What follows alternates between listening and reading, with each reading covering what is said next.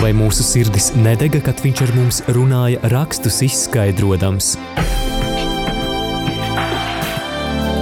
Ceļš uz zem mausu. Lauzīsim kopā Dieva vārda maizi, iedziļinoties dažādos bibliskos tematos.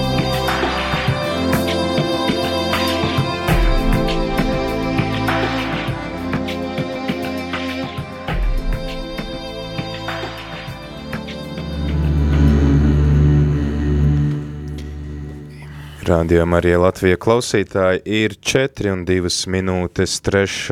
marta 4. pēcpusdienā, un tas nozīmē, ka atkal laiks raidījumam ceļš uz Emausu, kā tas ir ierasts mums ceturtdienās šajā laikā, un esam nogājuši šajā ceļā uz Emausu nu, tādu jau ievērojamu laiku, jo pēdējās trīs sezonas esam lasījuši Pentateuhu. Tās ir piecas mūzus grāmatas, kas grieķu valodā saucās Pentateuhs, tāds nosaukums, ko ir vērts kristiešiem zināt.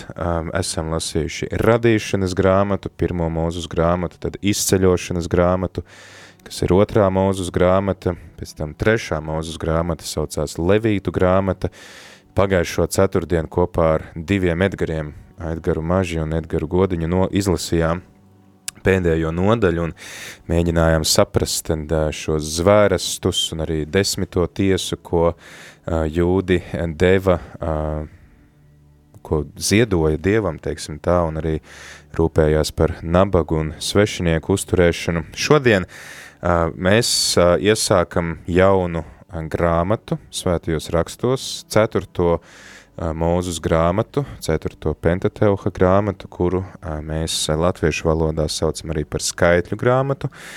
Nosaukums ir ņemts no šīs grāmatas grieķu tulkojuma numeri, piedodiet, aritmoja, aritmoja, tad arī vārds, no kura nāk aritmētika latviešu valodā, ebreji šo grāmatu sauc mazliet citādāk, tad mums šodien būs tāda iespēja tā vispārīgi paraudzīties uz šo grāmatu, kā mums tad viņu lasīt, pirms mēs viņai ķeramies klāt jau tā kā ierasts pa nodaļai uz priekšu. Un tāpēc šodien mums arī ir līdzās pavadonis šajā ceļā, un tas ir Latvijas Universitātes un Rarzī profesors Jānis Priede. Labvakar!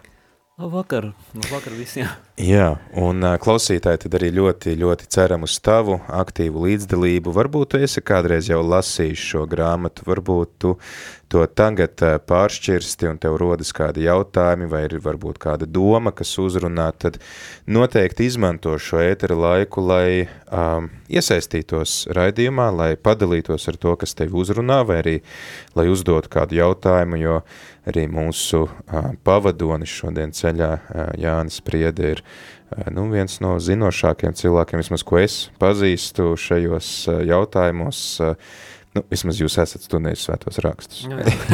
jā, tik, tik daudz. Tik daudz. jā. Nu, tā pamatīgāk nekā varbūt tāds vidusmēra teologs, kurš ir pabeidzis semināru vai kādas bakalaura Jo vairāk studijas. mācās, jo vairāk aizmirst. Nu, Arī, jā, bet mums bija jau ļoti interesants saruna jau pirms šī raidījuma. Es ceru, klausītāji, ka tā arī būs interesanta tev. Tātad 67, 969, 131 ir tas, kā tu vari iesaistīties šajā raidījumā zvanot un rakstīt īziņus. Tu vari uz numuru 266, 77, 272. Un arī mūsu viesis sacīja pirms raidījuma, ka ja viņš viens pats runā, tad viņam kļūst garlaicīgi. Tad, lai viņam nekļūtu garlaicīgi, klausītāji, jūs varat palīdzēt ar saviem jautājumiem vai kādiem komentāriem, piebildēm, ko jūs esat dzirdējuši un tā tālāk. Bet, jā, tā kā skaitļu grāmata tad ir mūsu šīs dienas temats. Ceļš uz zem mausu.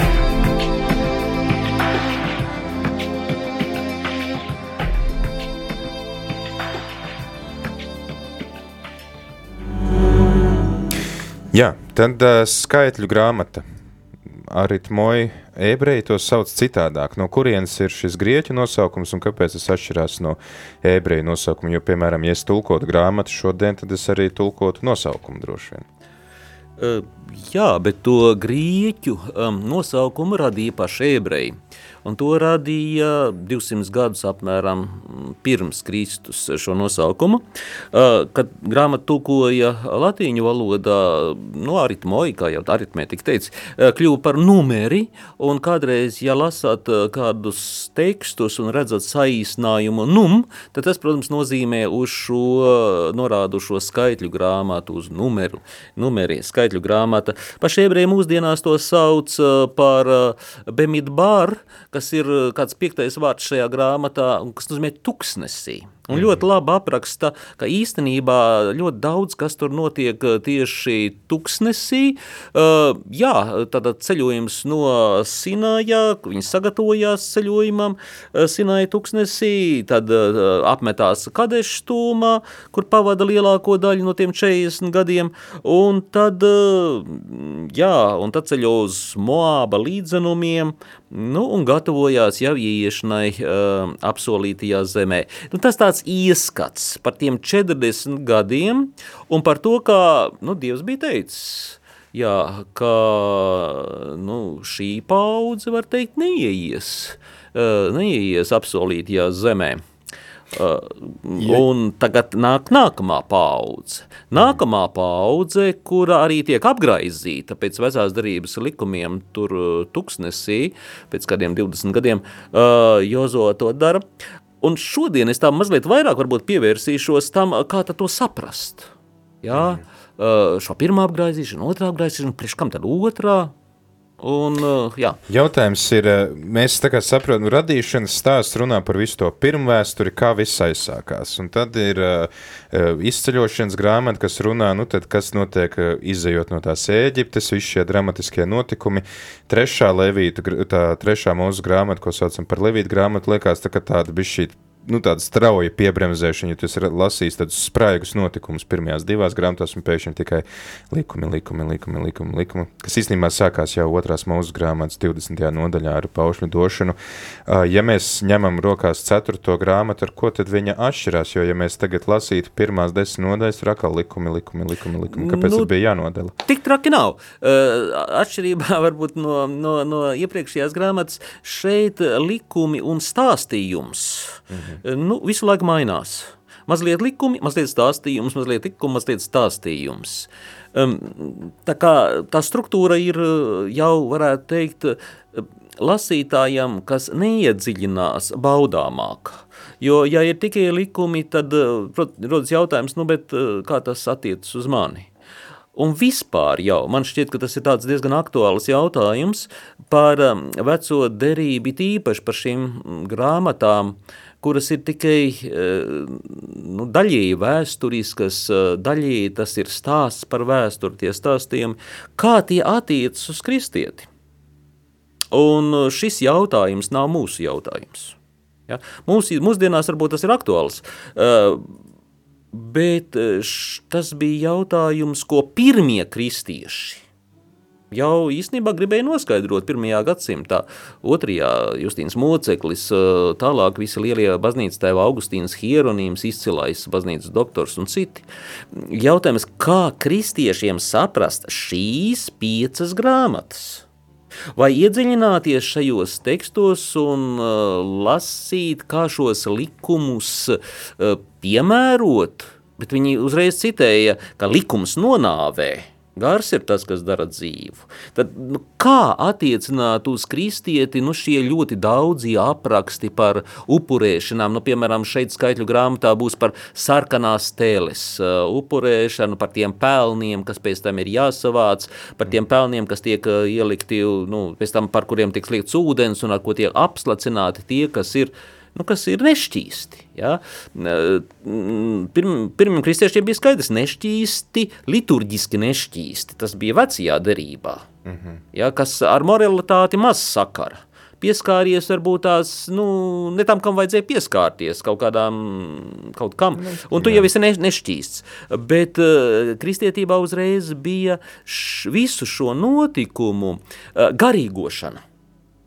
Ja tur, tur bija nešķīsts, tad kristietībā nešķīsts ir tas, kas ir ar grēku nešķīsts, kura domas ir nešķīsts, nevis tas, kas ir apēdis nu, asins desu. Mm -hmm. Tātad tas, tas jau ir tas ieskats, kā mēs varam lasīt šo grāmatu, skatoties caur tādu nu, jaunās derības eh, prizmu, bet tad principā mēs varam teikt, ka ceturtā mūsu grāmata turpina dažādus noteikumus, kas ir aprakstīti trešajā grāmatā, bet reizē arī iekļaujot jau kaut kādu bišķīt spraigāku sižetu ar to, kas notiek pat 40 gadiem no tās Sinēkalna līdz Moabam, kur viņi beidzot tad uh, Jozoā grāmatā pāriet pāri uh, tai upei, tad tur ir arī atrodami uh, nu, kāda dzēja un, un kaut kādi likumi, un arī šī tautas skaitīšana, no kuras tad arī ir ņemts tas nosaukums, vai ne? Nē, pamit man, man uzmēt tuksnesī. Jā, bet grieķu tas skait, nu, jā, ja mēs lietojam skaitļi, jā, jā, jā, grāmatu, tā, tā, tad, protams, tā ir divas reizes tiek jā, skaitīta. jā, Kāpēc jā. viņi skaita to tautu? Kāpēc Nu, tādēļ, ka pirmajā reizē,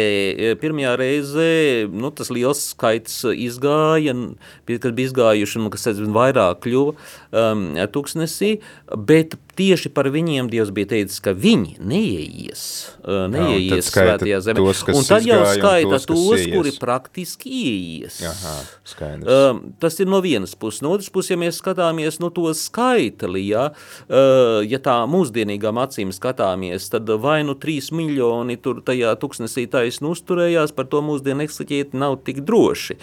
Bet vārdu miriādes vai miljoni un tā tālāk, es domāju, arī mūsdienās var saprast, uh, nu, Kā lielu nu, var daudzumu teikt, vienkārši, jā. tiešām kā lielu daudzumu mm. un nu, kā tādu skaitli, eh, kura segums nozīmē milzums, ja, mm. un tā tālāk.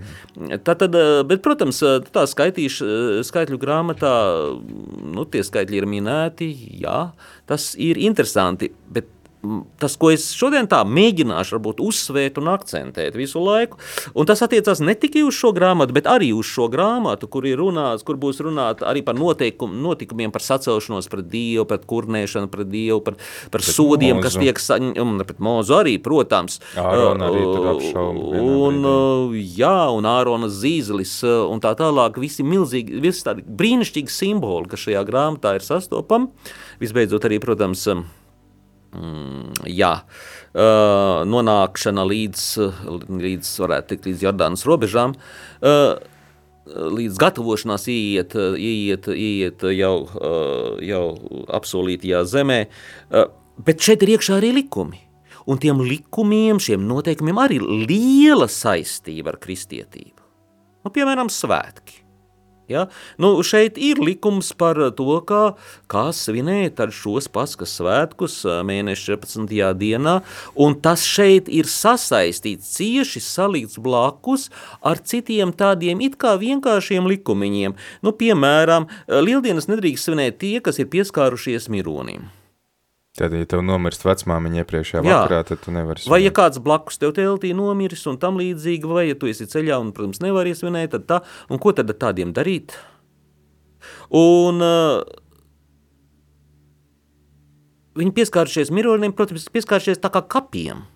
Jēzus pēc tam salīdzina nu, tādus liekuļus, salīdzina ar, ar kapiem, nobalsinātiem mm. kapiem, kur iekšā visādas miroņa lietas un tā tālāk. Tie nešķīst, viņš saka, uh, šie liekuļi nobalsnotie kapi, Bet tajā laikā mēs redzam, Jēzus runā par ļoti garīgām lietām. Šajā laikā par nešķīstām lietām, par miroņiem, kuri nevar tagad svinēt šos svētkus, tāpēc ka viņi ir nešķīsti. eh, Runā, var teikt, liturģiski, runā eh, likuma ziņā. Un runā, runā tā, ka mēs lasām šis likums, viņiem ir jāsvin šie svētki pēc mēneša, ir otrās lieldienas, kas ir jāsvin tā, kā pienākās lieldienās, tiek ļoti uzsvērts, ka nedrīkst upuriem kaulus laust, neviens kauls netika Un evanģēlijā, kas ir par Jēzu, tiek teikts, neviens kauls viņam netika salauzts. Ja? jā. Tas tiek uzsvērts šajā otrajā lieldienu aprakstā, ka neviens kauls ne, ne, nedrīkst tikt salauzts un tā tālāk. Un ko tad pri- kri- kristieši saskatīja? Kristu. Krist, viņi saskatīja, ka otrā, otrās, šī otrās paska, šie otrie svētki tiem, kuri bija nu, aptraipījušies ar mironi, īstenībā ir e, nu, Kristus e, upuris, jaunās baznīcas dzimšanas laiks. Mm -hmm. Ka tie, tā ir tā otrā pasaka. ja, tā pirmā paska, okay, kas tika svinēta, nu, viss svinēts visu šo gadu tūkstoti, un pēc tam otrā sākas ar Kristu. Tā šo grāmatu un šos pašus likumus ja, par apgānīšanos pieskaroties mironim un kā tad nu vajadzētu šķīstīties un ko darīt, nu, tāpēc mēneši svinēt lieldienas, Vecajā darbā tā viņu traktēja, traktēja jaunajā darbā. Proti, tev, protams, ka jāšķīstās no visiem tiem miroņu kauliem, kas tevī ir, uh, un, uh, kā Kristus teica, atstājiet miroņiem, apglabāt viņu miroņus. Tur ir tā pieš, pieskaršanās grēkam, mm. uh, bet nevis, nevis tas, ka tu palīdzi kristietībai gluži otrādi. Apglabāt mirušo ir labs, labs, labs Arī darbs. Pati vecā derība atnāk pie šīs atziņas Tobijs, kurš jā, apglabā no, nu, mirušos pa kluso, riskējot savu Jo dzīvību. vecajā derībā ir attīstība. Mm. Ja tur notiek visu laiku attīstība, tās grāmatas jau uz, nav uzrakstītas vienā dienā. Tas, ir, tas arī būtu bijis mans jautājums. Es atgādinu arī klausītāji, ka arī tu vari droši iesaistīties šajā sarunā kopā ar mums. Bībeles eksperts, var teikt, un arī universitātes pasniedzējs Jānis Priede skaidro skaitļu grāmatu, vispār kā mēs to varam saprast un kā mēs to varam lasīt, tad droši zvani, rakst īziņas, ēpastus, uzdod mums jautājumus, priecāsimies uz tiem atbildēt. Bet šī grāmata arī, ceturtā mūsu grāmata runā par, par sab, nevis sabatu, bet par šo te paskas svinēšanu. Man nu, teiksim, rakstot grāmatu, liktos, nu, es vienreiz uzrakstīju, kā svinēt pasku, miers, bet mēs lasām eksodus, mēs lasām levītu grāmatā, man liekas, tur ir kādas divas reizes. Šeit atkal, kāpēc, nu, katrā grāmatā viņi to atkārto, ja tas droši vien ir arī jautājums par to, ka iespējams tās grāmatas ir dažādos laikos dažādi tapušas, vai? Arī tas, protams, bet es drīzāk teiktu tā, ka mums būtu jārēdz visa bībele, no vienas puses, protams, dažādos laikmetos tapusi, un tādēļ tā atspogļo dažādu kultūru vidi. Viena grāmata komentē, papildina nākamo, un tādēļ nedrīkst izraut vienu pantu un uz tās uztaisīt veselu teoloģiju vai savu mazo baznīciņu uz mm. viena panta. Uh, bet ka visa, visa, visa, visa, visa šīs grāmatas dažādos laikos tapušās ir galu galā viena grāmata. Proti, nu, Pentateuks ir viena šīs grāmatas daļa. Proti, Aha. vecā darība un jaunā darība Aha. kopā veido vienu tekstu, nu, mm. nu, kuras autors ir tikpat lielā mērā dievs vai vēl lielākā mērā dievs, kā tie cilvēki, kurus, da, kuri dažādos laikos dievi iedvesmoti šos tekstus raksta, izmantojot savu laika valodu, savu laika notikumus vai iepriekšējos notikumus kaut ko aprakstot. Proti, sas, un tādēļ kristietība vienmēr ir ļoti sasaistījusi uh, un saskatījusi, skatījusies, teiksim, ar jaunās darības acīm uz, uz veco darību. Un tādēļ bieži vien, nu, vienā lieldienu aprakstā parādās kaut kas ļoti īpašs, kā šeit. Tās otrreizējās lieldienas, piemēram, šajā grāmatā. Nu, kas tas, ir domāts otrreizējās lieldienas? Tieši tie, kas nevarēja, nedrīkstēja svinēt. Tad pirmās. viņi tā kā pēc tam Jā, viņiem, savā... vi, viņi, viņiem pēc mēneša, mm. viņi pēc mēneša svin otru reizi to pašu, uh, restīvi viņi pirmo reizi nedrīkstēja. Ja, jo viņi bija tie, tikai tie, kas nevarēja pielīties. Tikai tie, kas vai nu bija -hmm. ceļā, vai, eh, vai, vai bija, aptra, bija tiksim, mm. nešķīsti un tā tālāk. Uh, un, un mēs kristieši tur redzam jau. Mēs kristieši saskatām īstenībā, ka tā, tie, kas bija nešķīsti tajā vēlākajā laikā, proti visi pagāni un tā tālāk, tagad svin otrās lieldienas, uh, un arī jūda tauta, protams, svin otrās lieldienas, un upurjērs ir, ir, ir, ir, ir Kristus. Pats Kristus. Uh, Es domāju, ka tas ir noteikti interesants temats par to, kā mums lasīt. Eh, mēs jau vairāk kārt esam dzirdējuši tavus tādus iestarpinājumus par to nu, no jaunās derības perspektīvas, kā mums to lasīt. Bet vispirms vēl, vēl paskatoties bišķīt uz to, to autoru vai, teiksim, autoriem, kāds ir bijis šīs grāmatas mērķis, kāpēc viņa tika pierakstīta? Nu, teiksim, tiem jūdiem, ko viņi tur lasīja un kas bija tas vēstījums, kas viņiem tika nodots.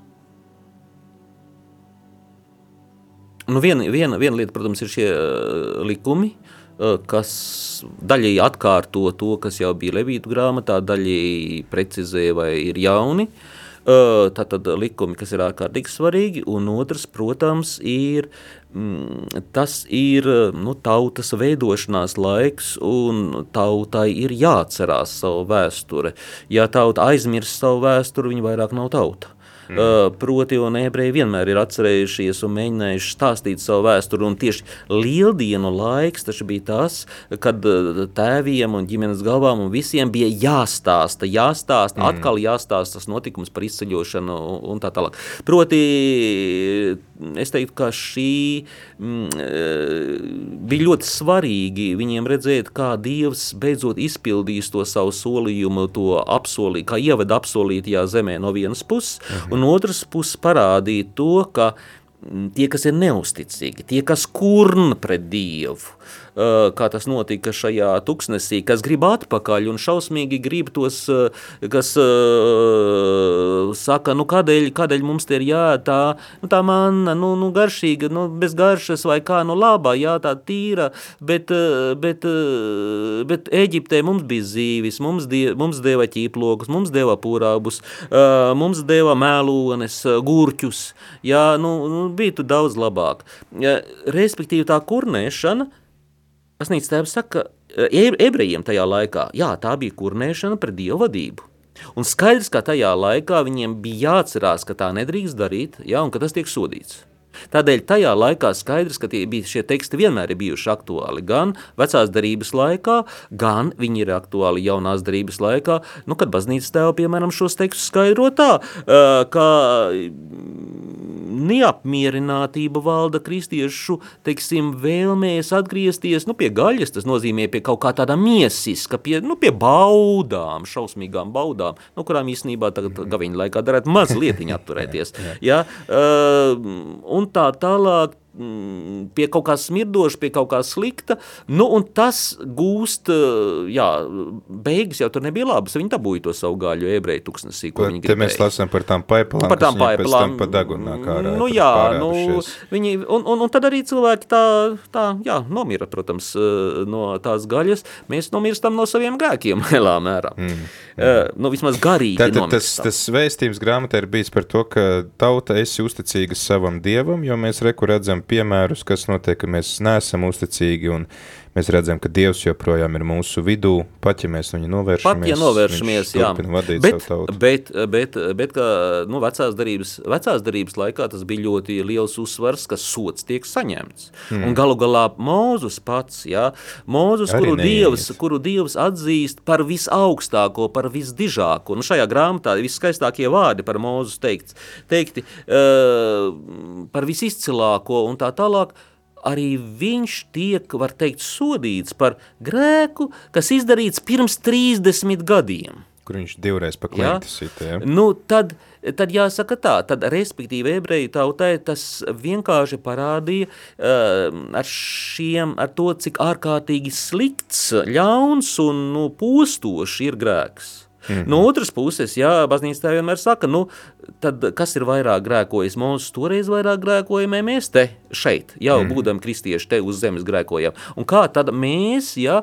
nu, šādi grēkojot, nu, nemeklējām piedošanu? Šis ir gaveņa laiks tagad, nu, tas ir tas laiks, kad, jā, kad varam meklēt piedošanu. Kā piemēram, ja, šajā pašā grāmatā. Nu, šajā grāmatā ir nu, likumi nu, gārlaicīgi likumi, nu, piemēram, par slepkavām. Nu, kāds noslepkojas kaut ko, viņš var beigt uz tādu kādu brīvu vietiņu, uz konkrētām pilsētiņām, kur, tad, nu, viņš ne, ne, kur viņu nedrīkst nogalināt, ne, viņu nedrīkst atriept. Ja, bet, ja viņš iziet ārā no tās pilsētas, tad, tad viņš var rēķināties, ka viņu var nogalināt kāds. Un tam, kas viņu nogalinās, jā, nebūs nekāda grēka. Mm. Uh, nu tad šis slepkava var atgriezties savās, uh, savā dzimtajā pusē un lūgt piedošanu, bet kad? Ja? Nevis pēc gada, pēc pieciem kaut, iestājās kaut kāda amnestija. Tad, kad viņš var. Tad, kad nomirst tā laika augstais priesteris, tad viņš drīkst atgriezties. Tad, ja, ja tā laika ja? augstais priesteris ir jauns, tad viņam nu, ir ilgi jāgaida. Jā, nu tā ziņā, jā, pēc tā likuma, likuma, jā, tas tā ir, protams. Bet, ja mēs skatāmies no jaunās darības, teiksim, tādām acīm un perspektīvas, tad mums ir jāsaprot, ka šie vecās darības notikumi, tīri materiāli notikumi, materiālistiski likumi, nu, kā, kā ko kaut, kā, kurš, kur drīkst patvērties, kad drīkst, drīkst atgriezties savā uh, dzimtajā pilsētā pēc slepkavības izdarīšanas, tie tiek saprasti kā tāds, nu nedīksim, modelis, bet kā tāds, jā, kā tāds modelis, kas tiek uztaisīts skatoties varbūt nākotnē uz to perfekto modeli, kas īstenojās nu, debesu valstībā un ko īsteno Kristus un, un kas īstenojas arī baznīcā, tādā kā Kristus miesā. Proti, uh, Kristus ir augstais priesteris. Mm. Ar Kristus nāvi Mēs visi, ja? mēs visi drīkstam atgriezties savā dzimtenē. Un kas tad ir mūsu dzimtene? Mūsu dzimtene ir debesu valstība. Mm. Mēs varam atgriezties savā dzimtenē un lūgt piedošanu, no, jo augstais priesteris, mūsu augstais priesteris ir mieris, piemēram. Mm -hmm. Vai šeit, vai šeit pat ir par citiem svētkiem, nu tādi likumi, nu šausmīgi garlaicīgi likumi, akdieni, nu, tikko bija tā, tikko bija tā paskas svētki, nu tad paiet vēl septītā mēneša, tur pirmajā dienā, tagad, tagad atkal svētki, Jaunā gada svētki. jaunā gada svētki, un tagad, nu vienreiz gadā augstais priesteris var iet, iet, iet vissvētākajā vietā, un tad viņš var lūgties par tautas grēkiem un tā tālāk. Jā, bet ja mēs tā pastāmies, kas ir augstais priesteris? Jā, kristietībā. Kristus. Un ka evaņģēlijos, evaņģēlī tā saprot šo veco darību, šo tekstu, ka viņš ir iegājis. Mm. Tajā viņš ir vienreiz iegājis. Ja? Mēs redzam, vienreiz ka gadā. raksti skaidro svētos Vi, rakstus. tieši tā, vienreiz, un vi- drīkst iet vienreiz gadā. Mm. Nu, tas nav tā, ka Kristus iet vienreiz gadā, nu, katrās lieldienās viņš iet. Nē, ja? vienreiz gadā nozīmē šajā jaunajā laikmetā, kas ir sācies ar Kristu. Un Jēzus Tas pirmie vārdi ir, tas šis ir gads. tas gads, ko es pasludinu Ja? Šis ir žēlastības mm. gads, ko viņš pasludina. Un šajā žēlastības gadā, šajā mūsu kristietības laikmetā, kur ir tik daudz nekrietnības no kristiešu puses, var teikt, šī krišana grēkos, mm. uh, ja šajā žēlastības gadā augstais priesteris nomirst, lai mēs varētu atgriezties. Mm -hmm. Tā kā, ja mēs šojā, arī šajā grāmatā un citās pentateuka grāmatās lasām tā, kā to ir sapratuši, varētu teikt, pirmie kristieši, tad šie garlaicīgie reizēm šķiet mm. likumi, kuri varbūt kristietīm ir daudz mazāk aktuāli nekā mūsdienu nu, rabīniskajam judaismā, uh, tad uh, Nu, viņi iegūst Iegūst citu, jaunu citu skatījumu. skatījumu, jā, ka mēs redzam, ka, mēs arī redzam apstiprinājumu tam, ka visi raksti runā par Jēzu Kristu, ko savulaik sacīja svētais Hieronīms, un kas nepazīst rakstus, taiskaitā arī veco derību, tas nepazīst Kristu. Uh, manuprāt, vēl viens tāds temats, kas noteikti šajā grāmatā parādās, ir tas, ka dzīve ir svētceļojums, jo tauta atrodas starp nu, šo uh, Sinēja kalnu, kur viņi ir tikko iznākuši no Eģiptes, un viņi ir ceļā uz apsolīto zemi, kurā viņi ieiet tad jau ar Jozoā grāmatu, un šī grāmata tad apskata to posmu starp. Nu, vēl ir, protams, piektā mūsu grāmata, bet tā tā kā uh, izkonspektē iepriekšējās četras, es domāju, ka ir laiks dziesmai, un tāpēc arī esmu izvēlējies dziesmu dzīve ir svētceļojums. Tas ir viens no tematiem, kas parādās šajā grāmatā, un tad mēs turpināsim ar uh, jūsu klausītāju jautājumiem. Iesaistīšanos mums ir uh, Gunta atsūtījusi kādu īziņu. Noteikti arī tu klausītāji vari pievienoties, viņai vari zvanīt gan uz ēteru uz 679 69 131, gan arī rakstīt īziņas uz numuru 266 77 272. kad tā ir?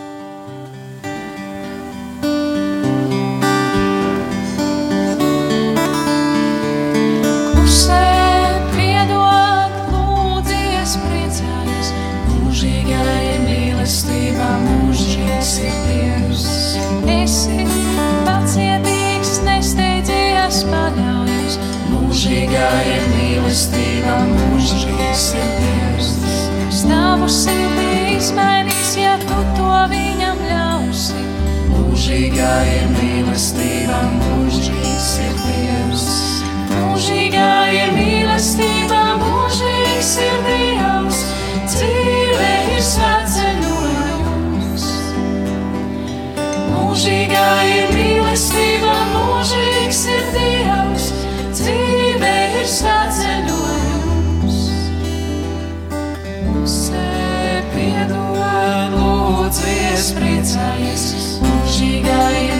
mīlestība, mūžīgs ir Dievs.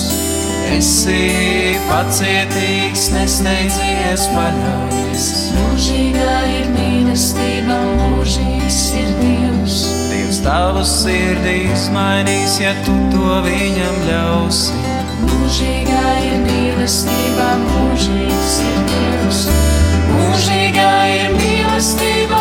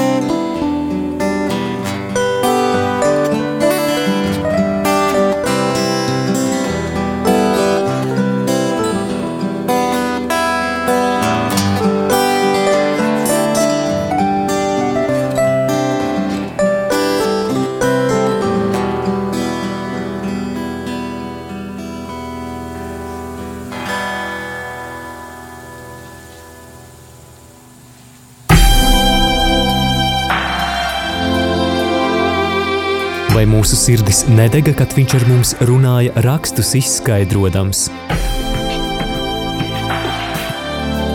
Ceļš uz zem mausu.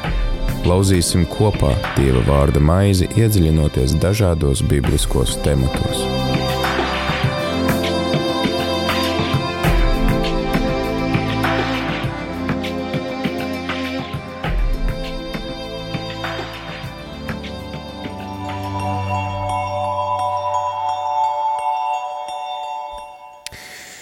Četri un 35 minūtes. Raidījums ceļš uz Zemausu ar tevi ēterā priesteris Pēteris Skudru un kopā ar mums arī Jānis Spriede, pasniedzējs gan Latvijas universitātē, gan Rarzī, kurš tieši arī māca svētos rakstus. Un šodien sarunājamies par skaitļu grāmatu, par ceturto mūzus grāmatu, šodien tāds vispārīgs ievads par to, ko tad šī grāmata apskata, kādi temati ir atrodami šajā grāmatā, kādas domas, kas ir bijis tas vēstījums, ko šī grāmata ir vēlējusies nodot saviem lasītājiem. Tiksim, vecās derības kontekstā diezgan daudz esam runājuši arī par šo jaunās derības skatījumu, mūsdienu skatījumu uz šo grāmatu, Tad arī uh, mēs runājām par to, ka šī grāmata apskata arī likumu par uh, pieskaršanos mironim, par to, ka, ja tu, piemēram, pirms svētkiem pieskaries mironim, tu esi nešķīs, nevari svinēt uh, svētkus kopā ar pārējiem, tad šie svētki tiek svinēti atsevišķi. Uh, tu arī minēji to, ka attīstās tas jūdaisms, mēs redzam, ka Tobijs to praktizē kā vienu no žālsirdības darbiem, pat riskējot ar savu dzīvību, lai apglabātu šos mirušos, tad ir diezgan tāds loģisks jautājums no mūsu klausītājas Guntas, kura uh, saka, kā tas ir ar medicīnas studentiem šodien. Piemēram, tu nevari pabeigt medicīnas skolu, ja tu neesi preparējis uh, nu, līķus un, un teiksim, mācījies, um, mācījies atpazīt visu to anatomiju un visu pārējo. Tad kā ir ar judaismu šodien? Vai viņi var, nevar pieskarties? Nu, jāsaka tā, jautājums ir, vai drīkst pieskarties, teiksim, ebrejam. Tas ir viens jautājums, mm. vai, vai drīkst pieskarties tiem, kas nav ebreji, preparēt, preparēt, respektīvi. Bet tas ir cits jautājums, jo kopš Izraēla valsts dibināšanas tas ir ļoti aktuāls de, ļoti debatēts, var teikt, likumdošanas līmenī Izrēlā. Mm. Uh, bet likumdošanas līmenī, jo skaidrs, ka medicīnas studijām ir nepieciešamas līķu sekcijas un, un, preparēšana un tam līdzīgi. Taču nu, no arī gal galā izpētīt, kāpēc jā, cilvēks ir taču nomiris. no otras puses jāsaka tā, ka rabīniskajā judaismā pastāv ļoti dažādi novirzieni. Un, jau no, un tur ir tāda, varētu teikt, teoloģiska diskusija nepārtraukti tajā sistēmā, izteikti apgalvojumi jau, jau Gemerā un, un, citur, un visa halakā, protams, ir uz to orientēta viss šī likumdošanas sistēma, ja, kur diskutē par tiem gadījumiem, kādos drīkst, kādos nedrīkst, ka cilvēkam tomēr ir jāpalīdz un zināšanas jāiegūst un tā tālāk. Tā kā tas ir bieži vien ļoti atkarīgs arī no konkrētā, var teikt, rabīni feministiskā virziena, ja, kāds tas ir mm, ārkārtīgi konservatīvs vai, vai, vai liberāls un tā tālāk. Protams, diskusijas ir, un, un ebreju medicīnas studenti mm, ar, ar nodarbojās ar, arī ar sekciju. Uz kristiešiem tas, protams, absolūti šie jautājumi ne, neietekmē, jo skaidrs, ka ir jāievēro visa, visa ētiskā puse, un no otras puses mēs labi zinām, ka Kristus ir teicis, jā, ka cilvēku neapgāna. Nekas, kas viņā iet, ka viņa apgāna tas, kas no cilvēka iziet. Nu, tas jau ir jaunās darības Tas ir skatījums. jaunās darības skatījums, ja, kas, kādā veidā interpretēt šo jautājumu par, par, par pieskaršanos miroņiem un tam līdzīgi, ka tas mūs neapgāna. Tad mēs varētu teikt, ka jūdaismu gadījumā ir jāskatās, kāds tas ir jūdaismu novirziens, jā, Jā, vai tas ir ļoti tradicionāls, varbūt, jā. strikts, vai tas ir kaut kāds... Es teiktu, ka tas būtu, ka tas būtu viens no tiem uh, pamatu uzdevumiem, jo, bet tas ir attiecās tieši uz, teiksim, uz paša judaisma virzieniem, nu, kādi, nu, Latvijā kādi, kādi ir pasaulē. Un, un Jā, tas varētu būt labs jautājums mūsu Rīgas rabīnam, domāju, ka viņš atkal kādu reizi šeit varēs būt pie mums, kā viņš ir bijis šeit iepriekš, stāstot par dažādiem svētkiem, ko svin jūdi, gan arī par Paschā. Tad eh, tos raidījumus jūs varat atrast mūsu raidījuma arhīvā, mūsu mājaslapā. Tad, eh, jā, vēl par šo eh, teoloģisko nozīmi. Tātad mēs esam lasījuši, mēs, mēs šo grāmatu varam skatīt no tāda skatu punkta, ka pirmkārt tātad Jēzus ir tas, kurš ir tautas vidū, līdzīgi kā šeit nemitīgi ir uzsvērts tas, ka Dievs ir tautas vidū, pat ja viņa grēko. Grēks eh, gan pieprasa sodu, un arī tas ir tas, ko apustulis Pāvils saka, ka grēka alga ir nāve, un uh, tad uh, mēs arī redzam to, ka dzīve ir kā svētceļojums, jā, Jā. tad uh, arī šis kults, uh, kas tiek apskatīts arī ne tikai Levītu grāmatā, bet arī šajā grāmatā, tad uh, es vismaz lasīju komentāros, ka ir minēts, ka tas ir kā tāda dieva dāvana, ka tas ir veids, kā viņš atļauj ar sevi komunicēt vai norāda tos veidus, Jā, kā viņu var- protams, tajā laikā tas bija dieva klāt, reāla klātbūtne Izraēla tautas vidū. No vienas puses, un otras puses tas bija veids, kā Izraēla tauta tika mācīta. Mācīta, um, nu, sākotnēji saskatīt tīri ārējas lietas, nu, to ārējo netīrību, teiksim, ja?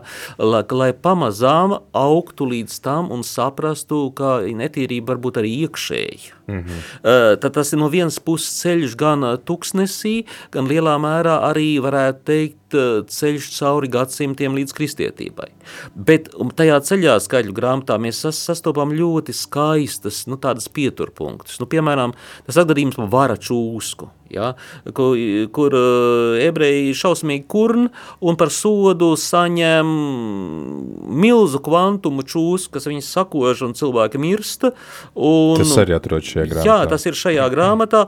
Un, Un Mozus lūdz Dievam padomu, un padoms ir tāds, kā izveidot vara, tādu spīdošu ugunskrāsas, var teikt, vara čūsku, uh, un pakārt augstā, mm, jā, izlīs stabā, uh, un kas, jebkurš, kas, kurus čūskas sakodīs, un tagad kurš vienkārši pastīsies uz čūsku un to uzlūkos, paliek dzīves, nekas viņam nav, viņš tiek ciedināts. Ja? Tas Varētu ir teikt, jau uh, izsenis krustas simbols, ko, par ko mēs lasām lieldienās. arī. Bet, bet, bet interesanti, ja taču bija aizliegts, aizliegts uh, at, attēlot kaut kādus dzīvo radību kaut kādos tēlos. Bet uh, speciāli tiek teikts, nu tad veidot, piemēram, čūsku. Jo ja? ķēniņu grāmatā mēs pēc tam lasām, ka pat šo aizvāc, tas Nu. no. Hiskija vai kurš, ka viņš, viņš pat visu šo Jā, aizvāc, lai... respektīvi, tāda dievs, bet, bet kādēļ tas tā ir? No vienas puses mēs varam vienkārši pateikt, jā, Kristus simbols.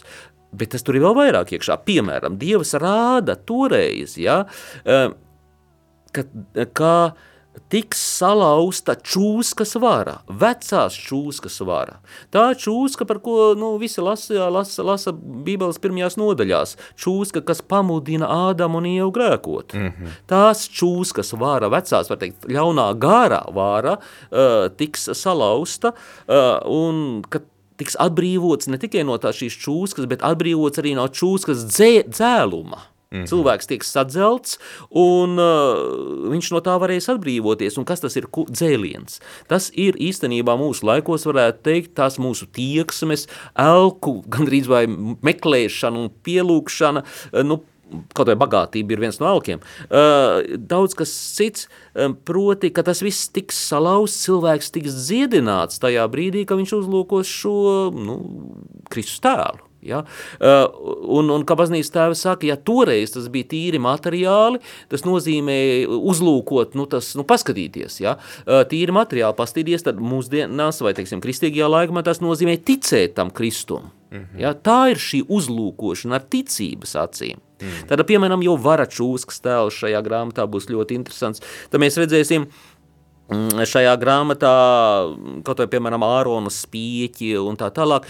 Un, mm, kā Ārona izredzētība, priesterisku izredzētību, kā tas tā tie tika interpretēta. Bet no otras puses es teiktu, ja, skaidrs, ka tāds kristoloģisks skatījums ir ārkārtīgi būtisks. Taču ne tikai kristoloģisks skatījums.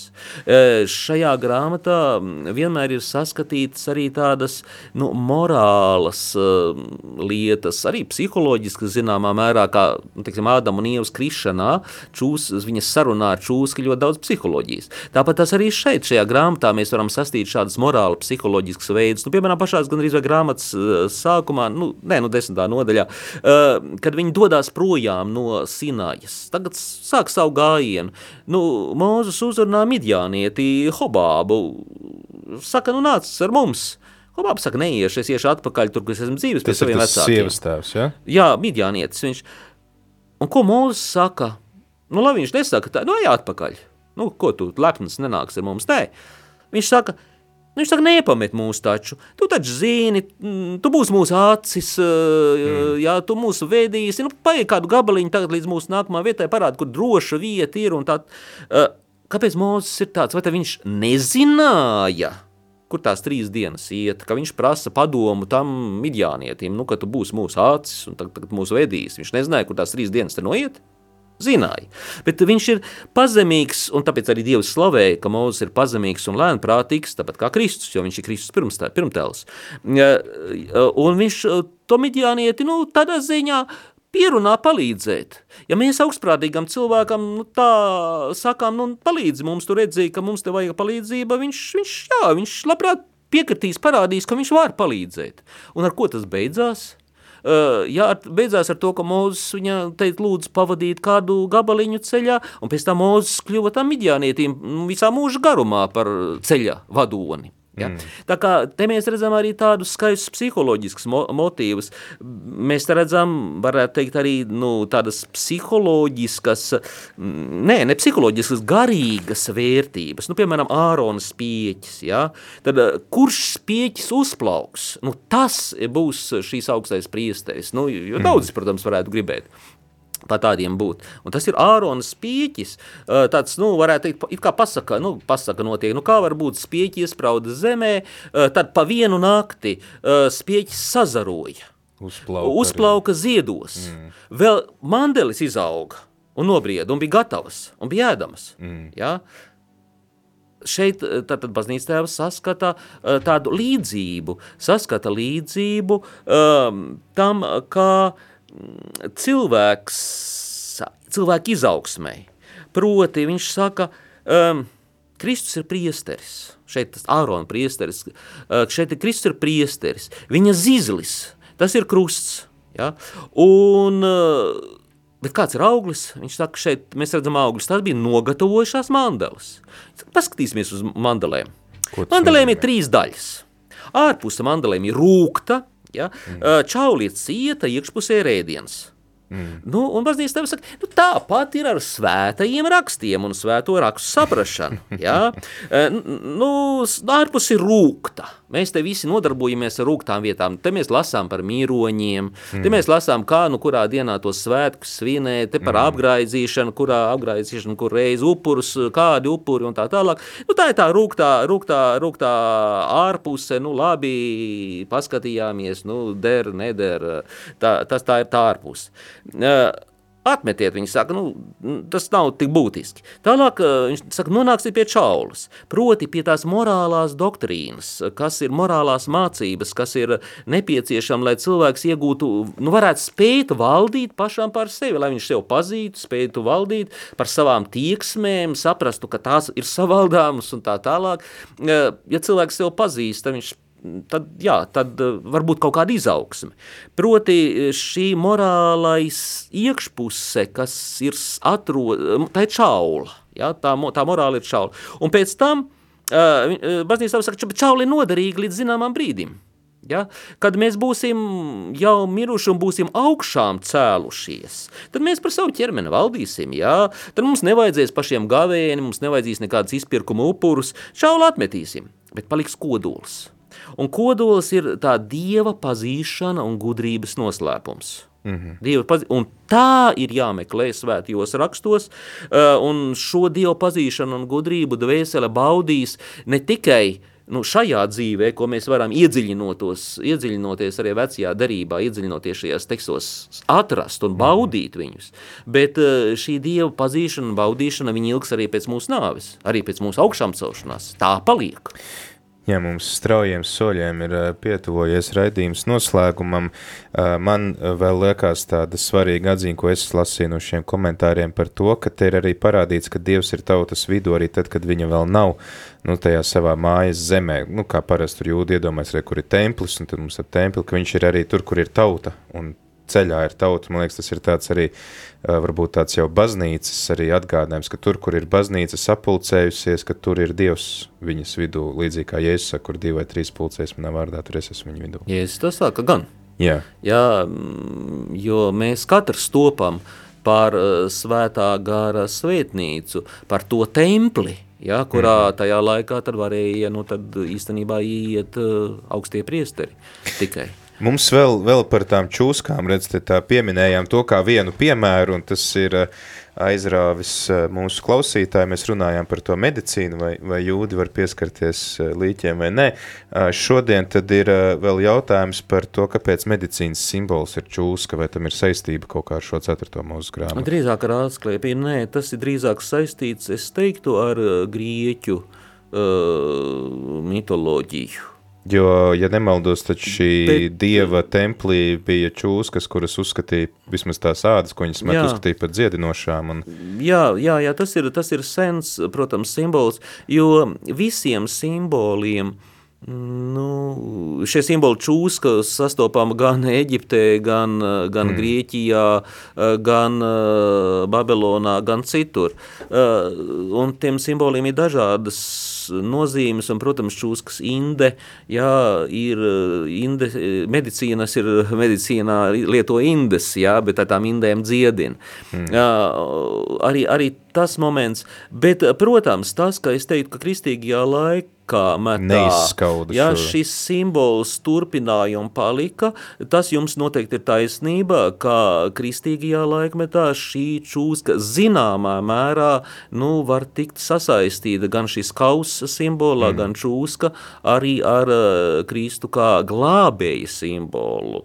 Uh, jo skaidrs, ka kristīgajā laikmetā nu, notika atteikšanās no pagānisma simboliem, un pagāniskie simboli tika nu, aizstāti, varētu teikt, kā latviešu nu, tāds dievs, kurām mēs pat nezinām īstu nosaukumu, nu, bet zinām, ka tas bija saistīts ar gaismu, nu, viņš ir kļūst par Jāni, ja? mm. tā ziņā proti tad viņš tiek, cits- tiek inkorporēts, un mēs svinām Jāņus, ā, kā gan no vienas puses kā mūsu tautas svētkus, bet jau kā kristīgus svētkus. Mm. Tad, tad restīvi tas tiek inkorporēts, un arī šis simbols, es domāju, var tikt ā, un ir ticis inkorporēts, bet nu ne jau tiešā veidā. Tas nāk no sengrieķu mitoloģijas, un, un mēs Jā. Redzam, ka šie mitoloģiskie tēli ā, kristīgajā ā, kultūrā s- atrod arī savu vietu un tiek, kā saka, kristianizēti. Daudzi no tiem bija tikumu simboli Jā. viduslaikos. Jā. Tad, jā, gudrības, starp citu, esiet gudri kā čūskas, Jēzus saka. Un bez viltus kā baloži, jā. kā dūjas. Tā kā arī viens tāds redzam, ka šie ir tādi universāli simboli, kas uzrunā mūs, un paldies, paldies Guntai par iesaistīšanos, paldies ā, pārējiem klausītājiem, kas uzticīgi klausaties. Ceru, ka nākamreiz sekosiet arī Guntas piemēram un uzdosiet savus jautājumus vai dalīsieties ar savām pārdomām. Paldies arī Jāni par to, ka bija laiks un iespēja būt kopā ar mums un iedot tādu nu, tādu pārskatu par šo grāmatu, kuru mēs tad arī no nākamās ceturtdienas varēsim sākt lasīt. Jā, un tā ir skaista grāmata, ir vērts lasīt. Paldies!